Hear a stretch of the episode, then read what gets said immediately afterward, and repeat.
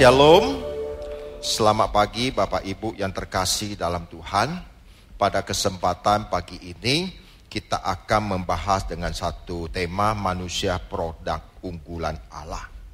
Bapak Ibu yang terkasih dalam Tuhan, kalau kita sungguh-sungguh memperhatikan alam semesta ini ada sebagaimana ada hari ini dan eksis itu karena Tuhan yang menciptakan.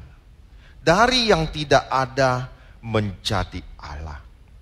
Kalau kita membaca kitab kejadian dengan teliti, dengan cermat, kita akan menemukan dalam kejadian pasal pertama, ketika Tuhan menciptakan langit dan bumi, kita melihat roh Allah melayang-layang. Lalu Tuhan berfirman, jadilah terang, maka terang itu jadi. Jadilah cakrawala, maka cakrawala itu jadi. Kita melihat penciptaan alam semesta itu terjadi hanya lewat firman yang disampaikan oleh Tuhan. Kita melihat kedahsyatan dan keagungan Tuhan, Allah yang maha agung, yang maha mulia, yang menciptakan alam semesta, termasuk manusia yang ada di dalamnya. Dengan penghayatan ini seharusnya membuat kita mengerti bahwa kita ada hanya untuk mengasihi dan melayani Tuhan dengan seluruh keberadaan kita sebagaimana kita adanya. Tentu sadarilah keberhargaan kita tidak ternilai Bapak Ibu dibanding dengan apa pun dan apa pun yang dapat kita bandingkan dalam kehidupan kita di dunia ini. Nanti saya akan menjelaskan di bagian-bagian bawah. Bapak Ibu yang terkasih, sebuah karya seni memang sangat sulit diukur nilainya. Maka tidak heran karya seni ada yang dihargai dengan harga yang sangat mahal, bahkan fantastis. Termasuk dalam hal ini sebuah karya lukisan. Banyak faktor yang membuat lukisan itu dihargai dengan sangat mahal. Tentu mulai dari keindahan lukisan itu, siapa yang melukis lukisan itu, dan dibalik cerita lukisan itu sendiri oleh karena itu, tidak sedikit orang-orang yang kaya di dunia ini lerah mengeluarkan uangnya dalam jumlah yang sangat besar untuk memiliki lukisan tersebut, apalagi ia seorang kolektor. Beberapa tahun yang lalu, Bapak Ibu, kita dihebohkan dengan satu hal yang sangat mengejutkan di dalam dunia pelelangan dunia. Hal ini sempat menjadi topik yang viral di berbagai media massa, mulai di televisi, Facebook, IG, di mana dalam hal ini diceritakan sebuah lukisan Sapator Muni berhasil memecahkan rekor dunia dengan sebutan lukisan termahal di dunia yang terjual pada waktu itu 450 juta US dollar atau sekitar 6,4 triliun rupiah. Sebuah lukisan yang tidak panjang, kurang lebih tidak sampai satu meter, itu dihargai 6,4 triliun rupiah. Bayangkan Bapak Ibu, Seandainya Bapak Ibu punya uang, apakah bersedia membeli lukisan itu?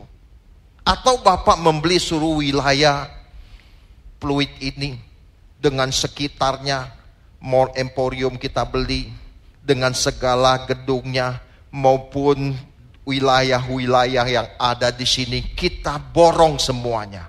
Waduh, orang akan melihat, waduh ini miliknya si A kita akan punya kebanggaan. Tetapi kita melihat ada orang yang bersedia membeli sebuah lukisan itu dengan harga 450 juta US dollar di Balai Lelang Kristi pada tahun 2017.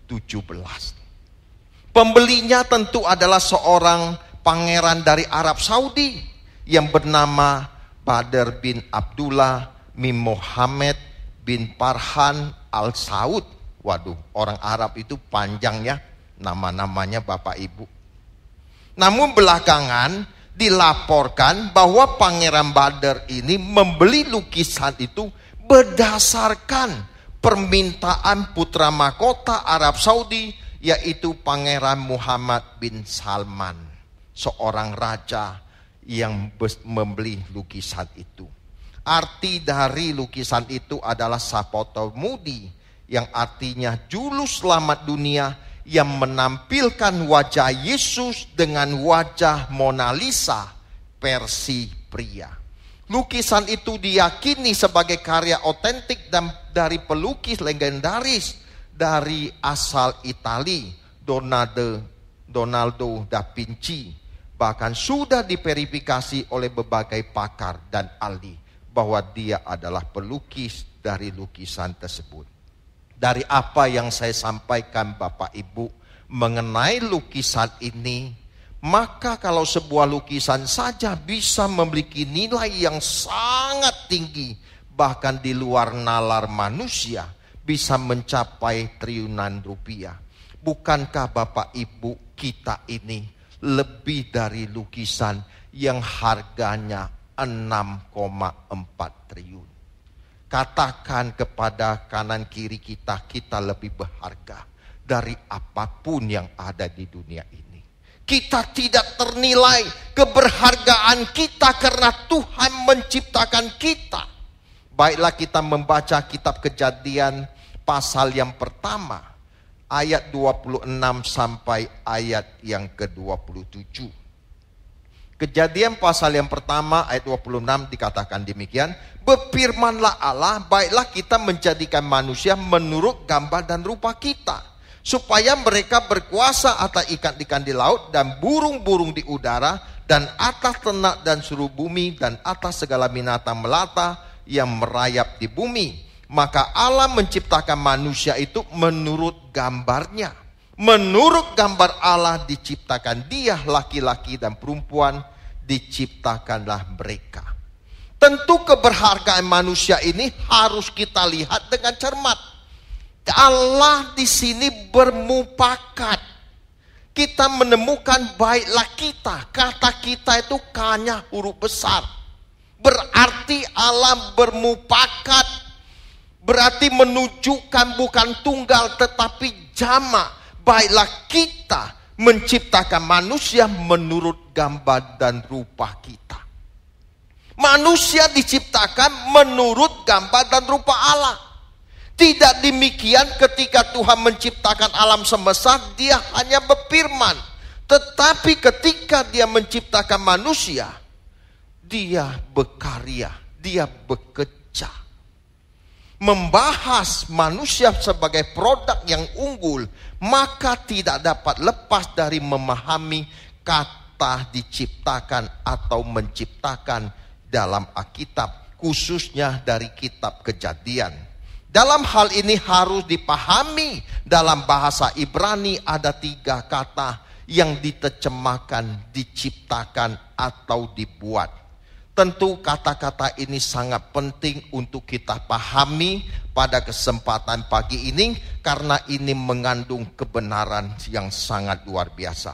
Kata yang pertama kata menciptakan dalam bahasa Ibrani itu bara. Bara itu artinya Allah menciptakan sesuatu tanpa bahan. Bahan di sini bukanlah hanya bentuk materinya, tetapi ada ide dari Allah sendiri. Kata baral menunjuk suatu kreasi yang bersifat inovasi dan sebuah penemuan awal. Jadi Allah menciptakan manusia yang tidak ada menjadi ada. Luar biasa Bapak. Kata yang kedua adalah kata yaksar.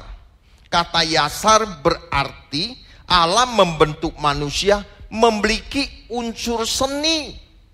Jadi seolah-olah ketika Allah menciptakan manusia dari debu tanah, Allah mengukir, membentuk, mendesain model manusia itu seperti ini. Coba kalau Allah bikin manusia hidungnya di atas kepala kita. Waduh, kita repot Bapak Ibu. Setiap kita lagi musim hujan beberapa hari ini, kita akan pakai payung. Benar gak? Karena hidung kita di atas kepala. Coba kalau Allah balik, kaki yang di sini, tangan di bawah. Waduh, bagaimana manusia? Keadaannya repot. Allah itu maha sempurna, maha cerdas. Ketika dia menciptakan manusia, dia mengukir bentuknya, modelnya, matanya ada dua. Coba kalau mata kita ada di sini satu. Kayak film apa tuh? Kayak film kayak sunggokong gitu. Di sini ada mata. Waduh, kita termasuk antik loh. Benar gak? Tapi manusia matanya dua. Karena Tuhan berfirman ketika kejadian 1 ayat 31, apa yang diciptakan sungguh amat baik. Tuhan memberikan penilaian penciptaannya itu sempurna. Ini kebahagiaan kita. Kita ada bukan jadilah manusia. Tidak demikian. Allah berkarya. Allah membentuk dengan tangannya sendiri. Sehingga kita ada hari ini bukan sesuatu yang terjadi secara kebetulan. Bahkan dalam kejadian 2 ayat yang ketujuh, ketika Tuhan membentuk manusia, dia menghembuskan napas hidup. Ada roh Allah yang masuk ke dalam tubuh manusia. Sehingga manusia menjadi makhluk yang hidup. Dan kita memiliki roh Allah. Keberadaan kita ini dahsyat Bapak Ibu kita beruntung kita hadir di dunia ini bukan sesuatu yang terjadi secara kebetulan. Bahkan di antara kita yang hadir. Adakah Bapak Ibu yang minta dan berdoa kepada Tuhan minta dilahirkan? Ada? Ada gak? Mana ada? Kita lahir aja dalam keadaan kecil, bayi. Dan kita juga tidak pernah, Tuhan nanti aku minta lahir ya dari keluarga orang kaya. Bila perlu aku lahir dari keturunan Ratu Elizabeth yang baru-baru ini meninggal dalam usia 90 sekian tahun Bapak Ibu. Kita tidak pernah meminta dari keluarga A, keluarga B, keluarga C. Tetapi setiap kita hadir dari orang tua yang Tuhan percayakan. Ini berkat, ini anugerah. Jangan kita sesali, mengapa aku tidak lahir di keluarga orang kaya?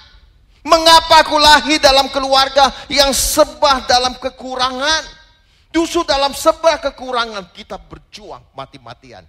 Pasti one day kita bisa menjadi orang yang sukses di hadapan Tuhan. Tidak sedikit Bapak Ibu orang yang hidup sederhana, yang lahir dari kampung, yang tidak memiliki apa-apa, pindah ke kota besar, dia bisnis, dia menjalankan usahanya dengan baik, dengan teliti. Eh, jadi orang kaya. Hal kata yang ketiga dari kata mencipta adalah asa. Kata ini menuju tindakan Allah dalam membentuk manusia. Sesuatu di sini bisa berupa fisik atau bendani, tetapi juga harus dipahami Allah menciptakan manusia itu ada unsur rohaninya.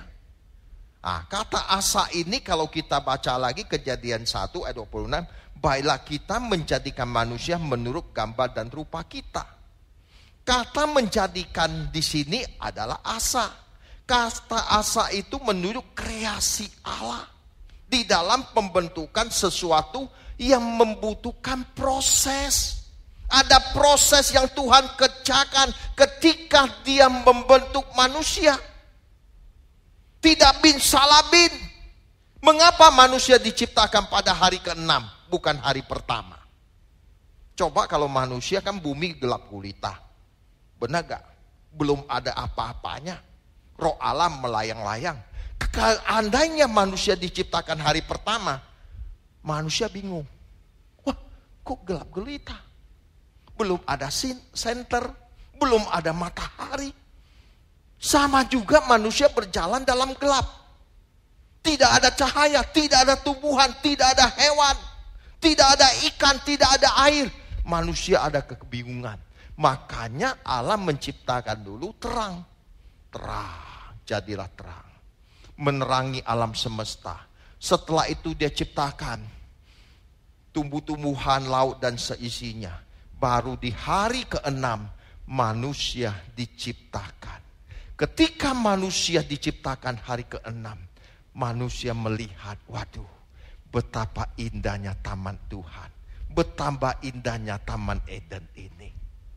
Kalau kita menyadari kita manusia yang diadakan oleh Tuhan, tentu keberadaan kita seseorang yang luar biasa. Kita orang-orang yang istimewa Bapak Ibu. Kita tidak bisa dihargai, dinilai dengan apa pun. Kalau lukisan saja bisa harganya triliunan rupiah. Bapak ibu lebih dari itu.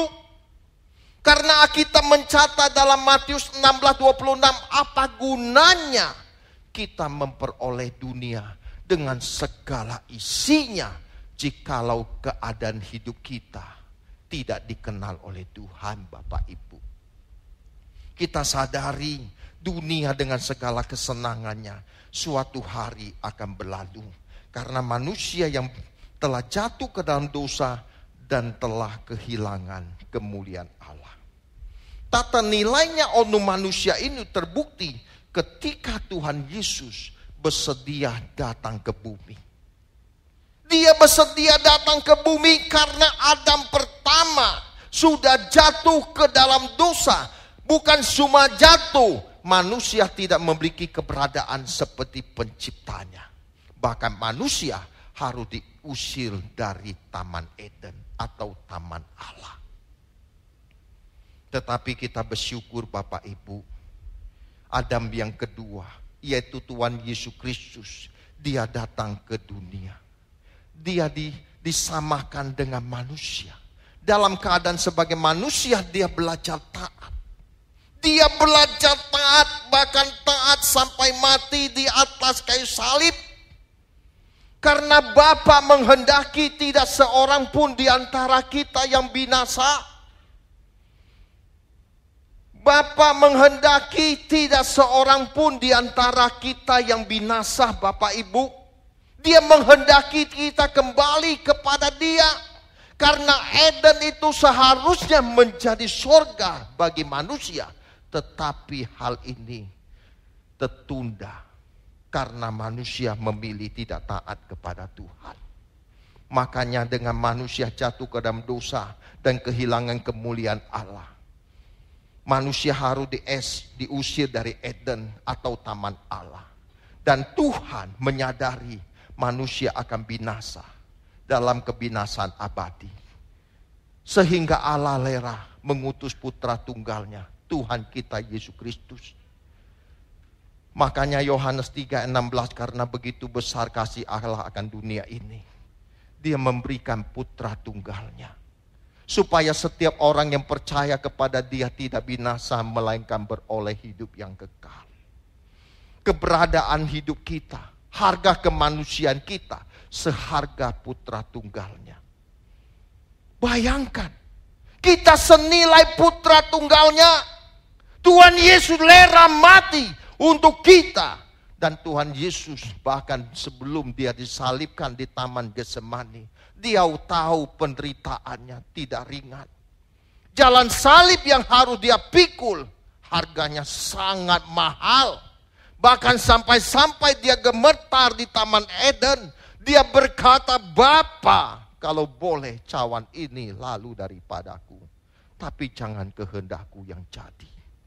Tuhan Yesus sampai membawa ketiga orang kesayangannya, Petrus, Yohanes, Yakobus, menemani Tuhan Yesus agar mereka berdoa semalam-malaman karena Tuhan Yesus tahu besok dia akan menjalani masa penyalipan itu.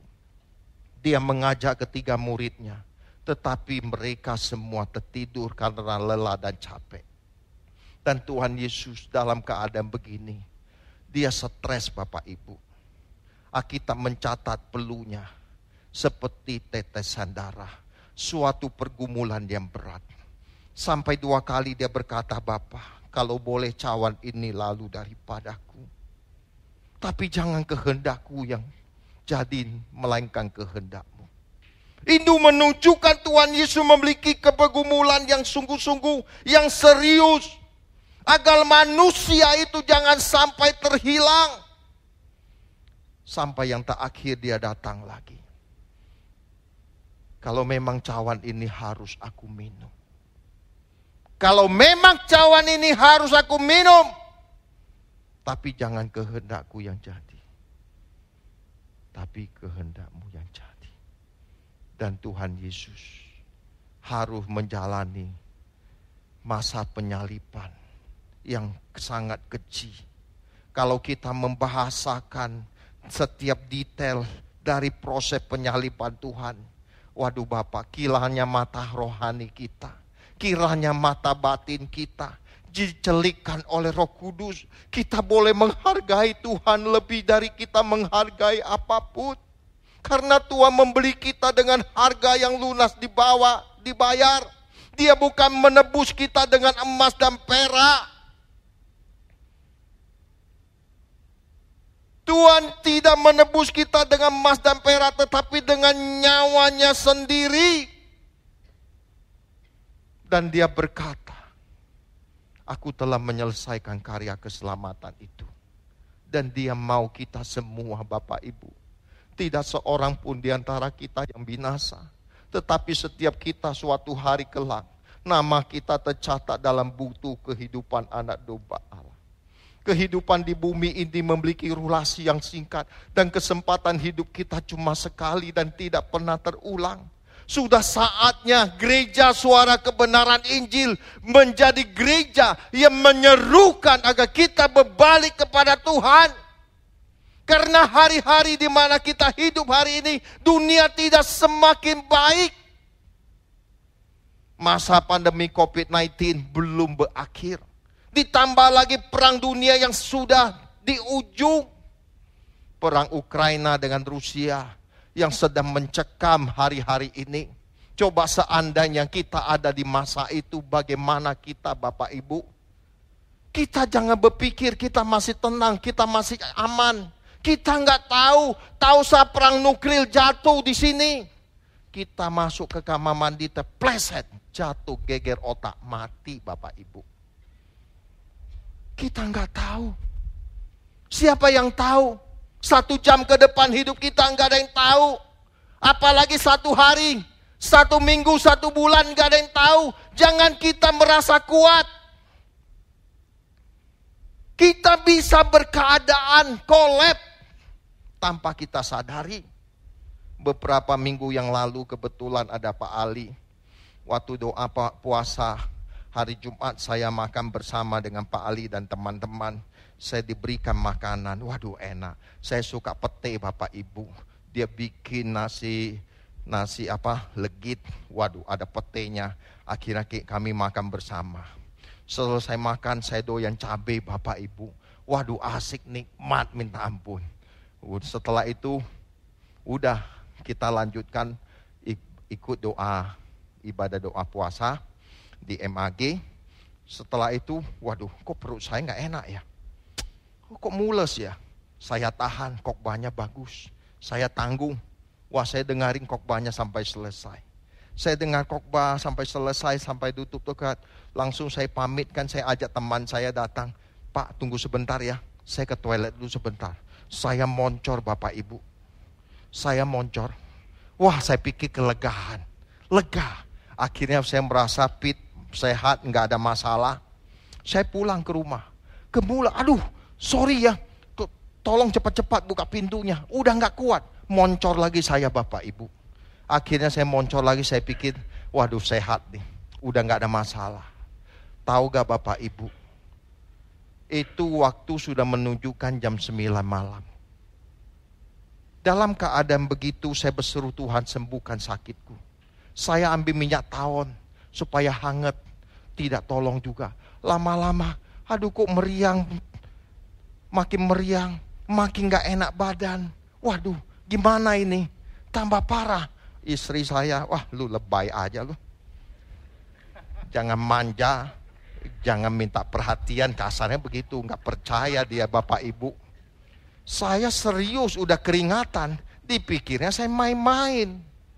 Akhirnya saya bilang, dek, tolong beli susu beruang. Ah, maaf nih, yang punya pabrik susu, beruang bersyukur ya. Ini sekaligus promosi. Tapi nggak ada nggak ada yang nyuruh. Kebetulan saya suruh anak saya beli susu beruang, setelah dia beli, saya tenggak. Dua kaleng langsung, saya pikir wah pasti enak nih setengah jam lagi. Pasti nih sehat. Nah, tapi bukannya tambah tambah sembuh Bapak Ibu. Saya merasa makin meriang, makin ini. Akhirnya saya udah nggak kuat, mau jalan aja susah. Saya bilang, tolong bawa saya ke IGD. Tolong saya bawa ke IGD, saya udah nggak kuat Istri saya lagi siap-siap, itu waktu udah jam 10 lewat sedikit. Dia lagi ganti baju sama anak saya, lagi siap-siap. Ketika lagi siap-siap Bapak Ibu, apa yang terjadi? Wah, saya mual. Akhirnya untung Bapak Ibu, saya bisa muntah. Saya muntah dua kali, setelah itu saya merasa sehat. Saya merasa seger karena saya keracunan makanan. Akhirnya Bapak Ibu saya bilang udah kita nggak usah ke ke IGD. Nah, tapi semalam-malaman saya nggak bisa tidur, nggak bisa tidur, nggak bisa tidur sepanjang malam itu sampai jam 5 pagi. Saya mau ikut doa pagi, rasanya nggak kuat. Akhirnya saya nggak mau memasakkan diri. Saya coba tidur. Akhirnya puji Tuhan Bapak Ibu bisa tidur saya. Pules. Setelah pules saya telepon Pak Ali. Pak Ali, dia patoan cua Gua tanya, dia patoan cua. Masuknya perut kamu bagaimana? Ini saya kena keracunan nih. Tapi jangan ngomong ya Pak Ali ya sama orangnya nanti dia nggak traktir kita makan lagi loh. Soalnya dia mau ngundang kita lagi, ya kan? Jangan bilang-bilang, cukup kita yang tahu saja, ya kan? Singkat cerita Bapak Ibu, saya akhirnya bisa tidur, saya sehat. Wah puji Tuhan.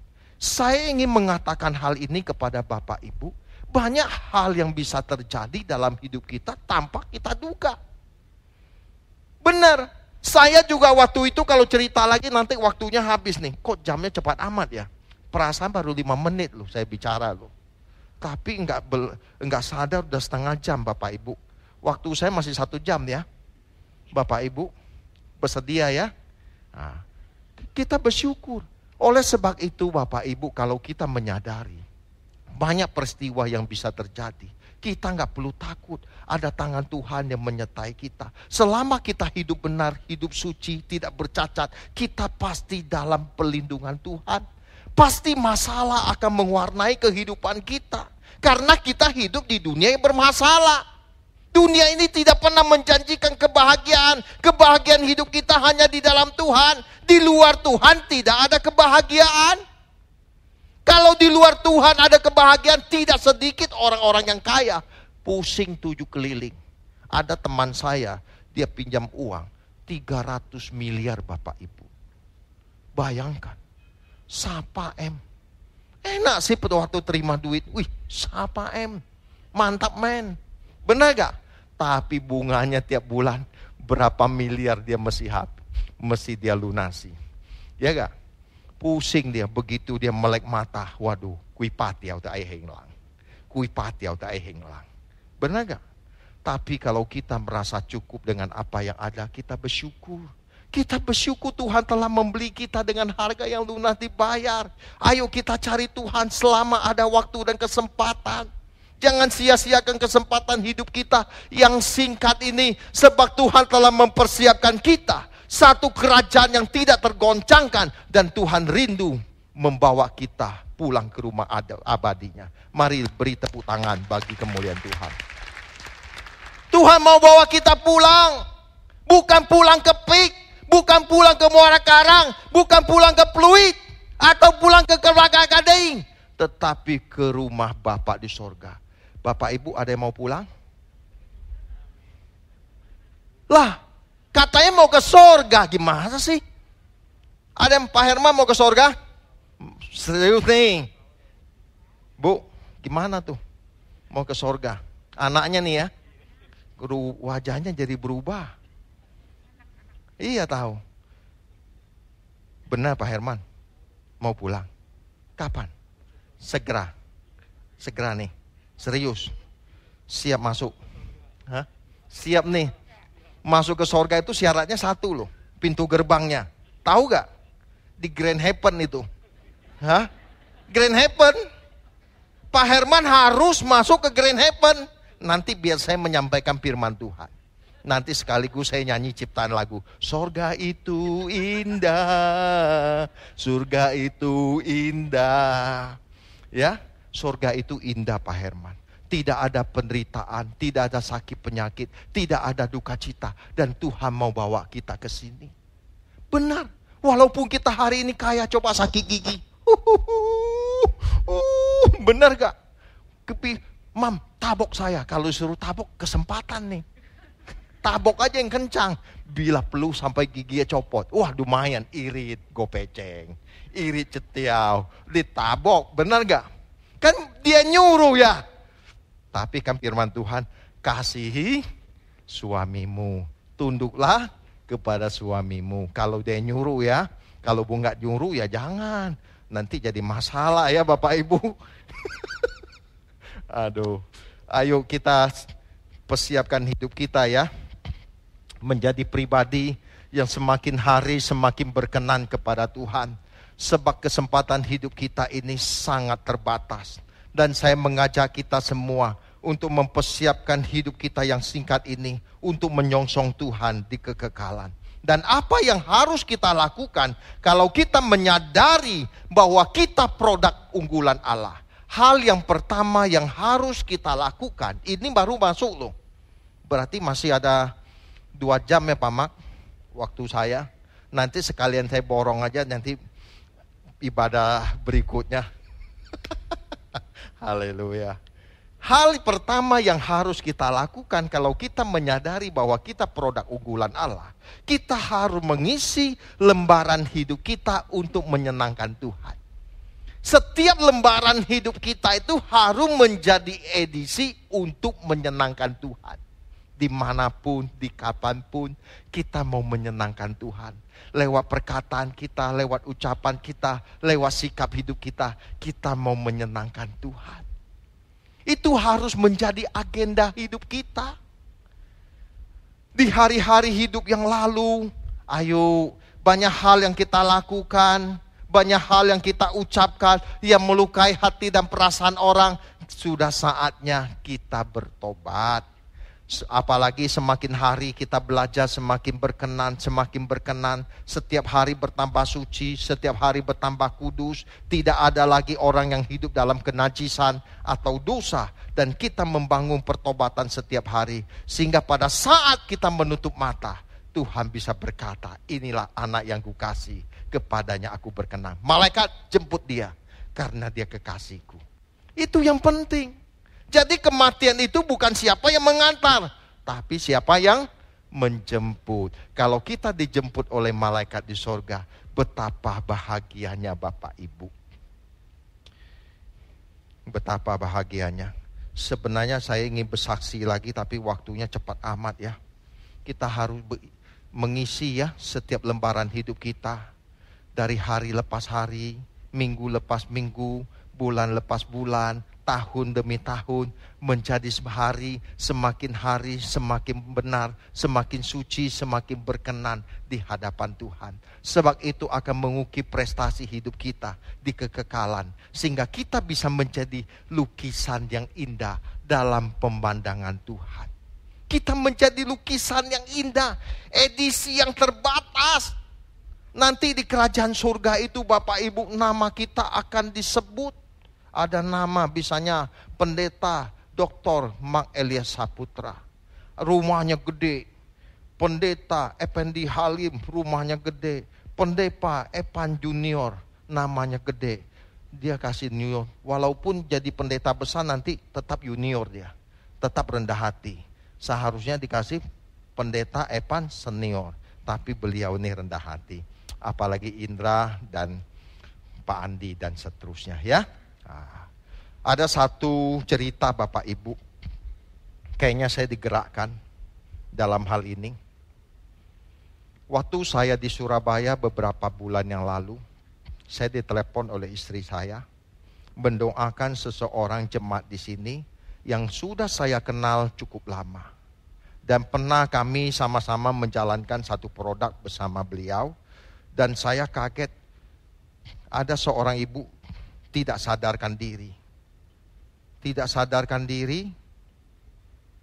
Setelah itu istri berkata, "Yang kamu kalau nanti sempat tolong doakan dia ya." Oke. Sakitnya apa? Ya, saya nggak tahu. Dia jatuhkan diri, ya nggak sadarkan diri. Singkat cerita, baiklah nanti setelah pelayanan selesai, saya akan berdoa. Nah, sambil mau makan siang di perjalanan, saya sama jemaat, sama kakak Ipa dari Pak Eras, kami naik mobil mau makan siang. Bu, permisi sebentar, saya sambil jalan, kita sambil berdoa. Iya Pak, baik, nggak apa-apa. Singkat cerita, saya sambung dengan suami dari istri yang korma. Kemudian saya hubungi istri saya. Akhirnya kami bertiga mendoakan. Dalam doa itu Bapak Ibu, ketika saya berdoa, saya melihat roh dia sudah di atas.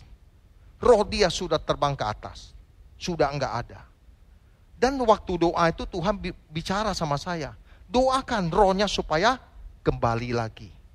Ya, singkat cerita, saya berkata kepada Pak Anton, dia pasti sembuh. Udah sembuh. Terus akhirnya saya pelayanan kebetulan ke Pluit lagi. Pelayanan ke Pluit lagi, tapi sebelum saya pelayanan hari Senin saya Iya, udah pelayanan hari Senin saya ke rumah sakit. Saya ketemu dengan keluarga ini, ketemu anaknya. Terus anaknya tanya, Om, Kira-kira mama bagaimana? Mamamu pasti sembuh. Hah, sembuh? Benar om. Enggak percaya. Kenapa enggak percaya? Om tahu gak sakit mama? Aku enggak ngerti sakitnya apa. Mama dia jatuh kena ke batang otak, kalaupun sembuh mama itu akan lumpuh. Oh begitu. Suaminya juga berkata, enggak mungkin Pak Kasan. Tapi saya nggak punya kata-kata kalimat yang lain. Selain saya cuma berkata percaya saja Tuhan pasti sembuhkan. Keluarga ini memandang saya itu rasanya nggak percaya. Tapi saya kan tidak bisa memaksa. Singkat cerita, saya berdoa lagi. Ayo kita berdoa. Setelah saya berdoa selesai, dia nanya lagi. Tuhan bicara apa? Tuhan nggak bicara apa-apa sama saya kali ini. Iya saya nggak boleh buat-buat dong. Nah, masa Tuhan gak bicara, saya ngomong Tuhan bicara? Saya bilang Tuhan gak bicara. Pokoknya percaya saja sembuh. Apalagi waktu itu dia kena covid juga, sehingga kami berdoa di halaman rumah sakit. Singkat cerita saya pulang. Nah, saya pulang, pada hari Rabu, setelah hari Senin itu, dia sadarkan diri. Wah, sembuh, sadarkan diri. Dia minta tulis, mau ngomong sama dokter karena di mulutnya itu ada selang. Ha, dan saya baru mendengar kesaksian lengkap dari istri saya kemarin karena baru main ke rumah dia. Kesaksiannya lima hari setelah dari rumah dia merasa nggak nyaman, dia taunya dia cuma duduk di bangku, setelah itu dia tidak sadarkan diri. Ketika dia nggak sadarkan diri, rohnya sudah dibawa Tuhan. Dia dibawa ke satu tempat yang indah sekali. Dan dia berjalan bersama dengan Tuhan. Dan dia melihat ada semua rumah kaca yang sangat indah. Ada nama dia. Dan dia berusaha masuk ke rumah itu. Ternyata tidak bisa masuk ke rumah itu. Ternyata kuncinya ketinggalan. Ketika dia sadar, yang saya doakan itu dia sadar, dia mau ambil kunci. Kok teriak minta kunci? dia sadar. Dokter berkata, sudah lima hari kamu apa koma, tidak sadarkan diri. Dan hari ini dia sudah sehat, dia sudah sembuh, kita beri kemuliaan bagi Tuhan. Tidak ada yang mustahil Bapak Ibu. Ya, tidak ada yang mustahil.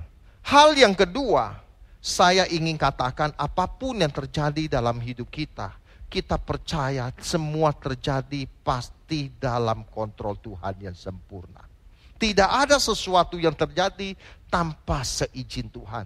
Baik itu baik maupun tidak baik. Kita sadari bahwa Tuhanlah yang memegang kendali kehidupan kita. Kita tahu usah takut menghadapi apa pun. Sebab ada tangan Tuhan yang kuat yang menyertai kita. Dia berjanji, dia akan menyertai kita sampai kesudahan zaman. Mungkin hari ini kita dalam keadaan yang sulit, penuh masalah, penuh tantangan. Coba celikkan mata pengertianmu. Pandang Tuhan. Ada negeri perjanjian yang Tuhan persiapkan dengan kita. Dan segala penderitaan kita di bumi ini suatu hari kelak akan berlalu. Tuhan menjanjikan negerinya. Penderitaan yang kita alami hari ini Bapak Ibu tidak sebanding dengan kemuliaan yang telah Tuhan siapkan bagi kita. Kita teduhkan hati kita, kita teduhkan gelombang jiwa kita. Kita percaya Tuhan yang berjanji, Dia setia menemani kita sampai kekekalan. Biarlah lewat kebenaran firman Tuhan pagi ini, saya berharap kita sungguh-sungguh menyadari dan kita mau mempersembahkan segenap hidup kita untuk kemuliaan Tuhan. Selagi jantung kita berdetak hari ini, nadi kita masih berdendut, ayo kita mau melayani Tuhan. Kita mau menjadi berkat bagi sesama kita sudah saatnya kita dipanggil untuk menjadi saksi Tuhan di tengah dunia yang semakin gelap. Jangan kita menikmati keindahan dunia dengan segala kesenangannya. Akhirnya kita lupa dengan kehidupan kita. Bahwa manusia memiliki rulasi hidup yang terbatas. Biarlah hati kita hanya tertampak dan tertuju untuk mencintai dan mengasihi Tuhan lebih dari apa pun. Sebab dia terlebih dahulu mengasihi kita dia memilih kita sebelum dunia dijadikan. Dan dia ingin membawa kita pulang ke rumah abadinya. Persiapkan hidup kita di hadapan Tuhan sejak hari ini sampai selamanya. Biar kebenaran firman Tuhan pagi ini memberkati kita semua. Amin. Bagi Bapak, Ibu, Saudara-saudari yang terpanggil untuk mendukung pelayanan GSKI Pluit dapat memberikan persembahan ke rekening BCA KCU Pluit dengan nomor 168 Sekali lagi 168 atas nama GSKI Fluid. Terima kasih atas dukungan persembahan saudara. Tuhan Yesus memberkati.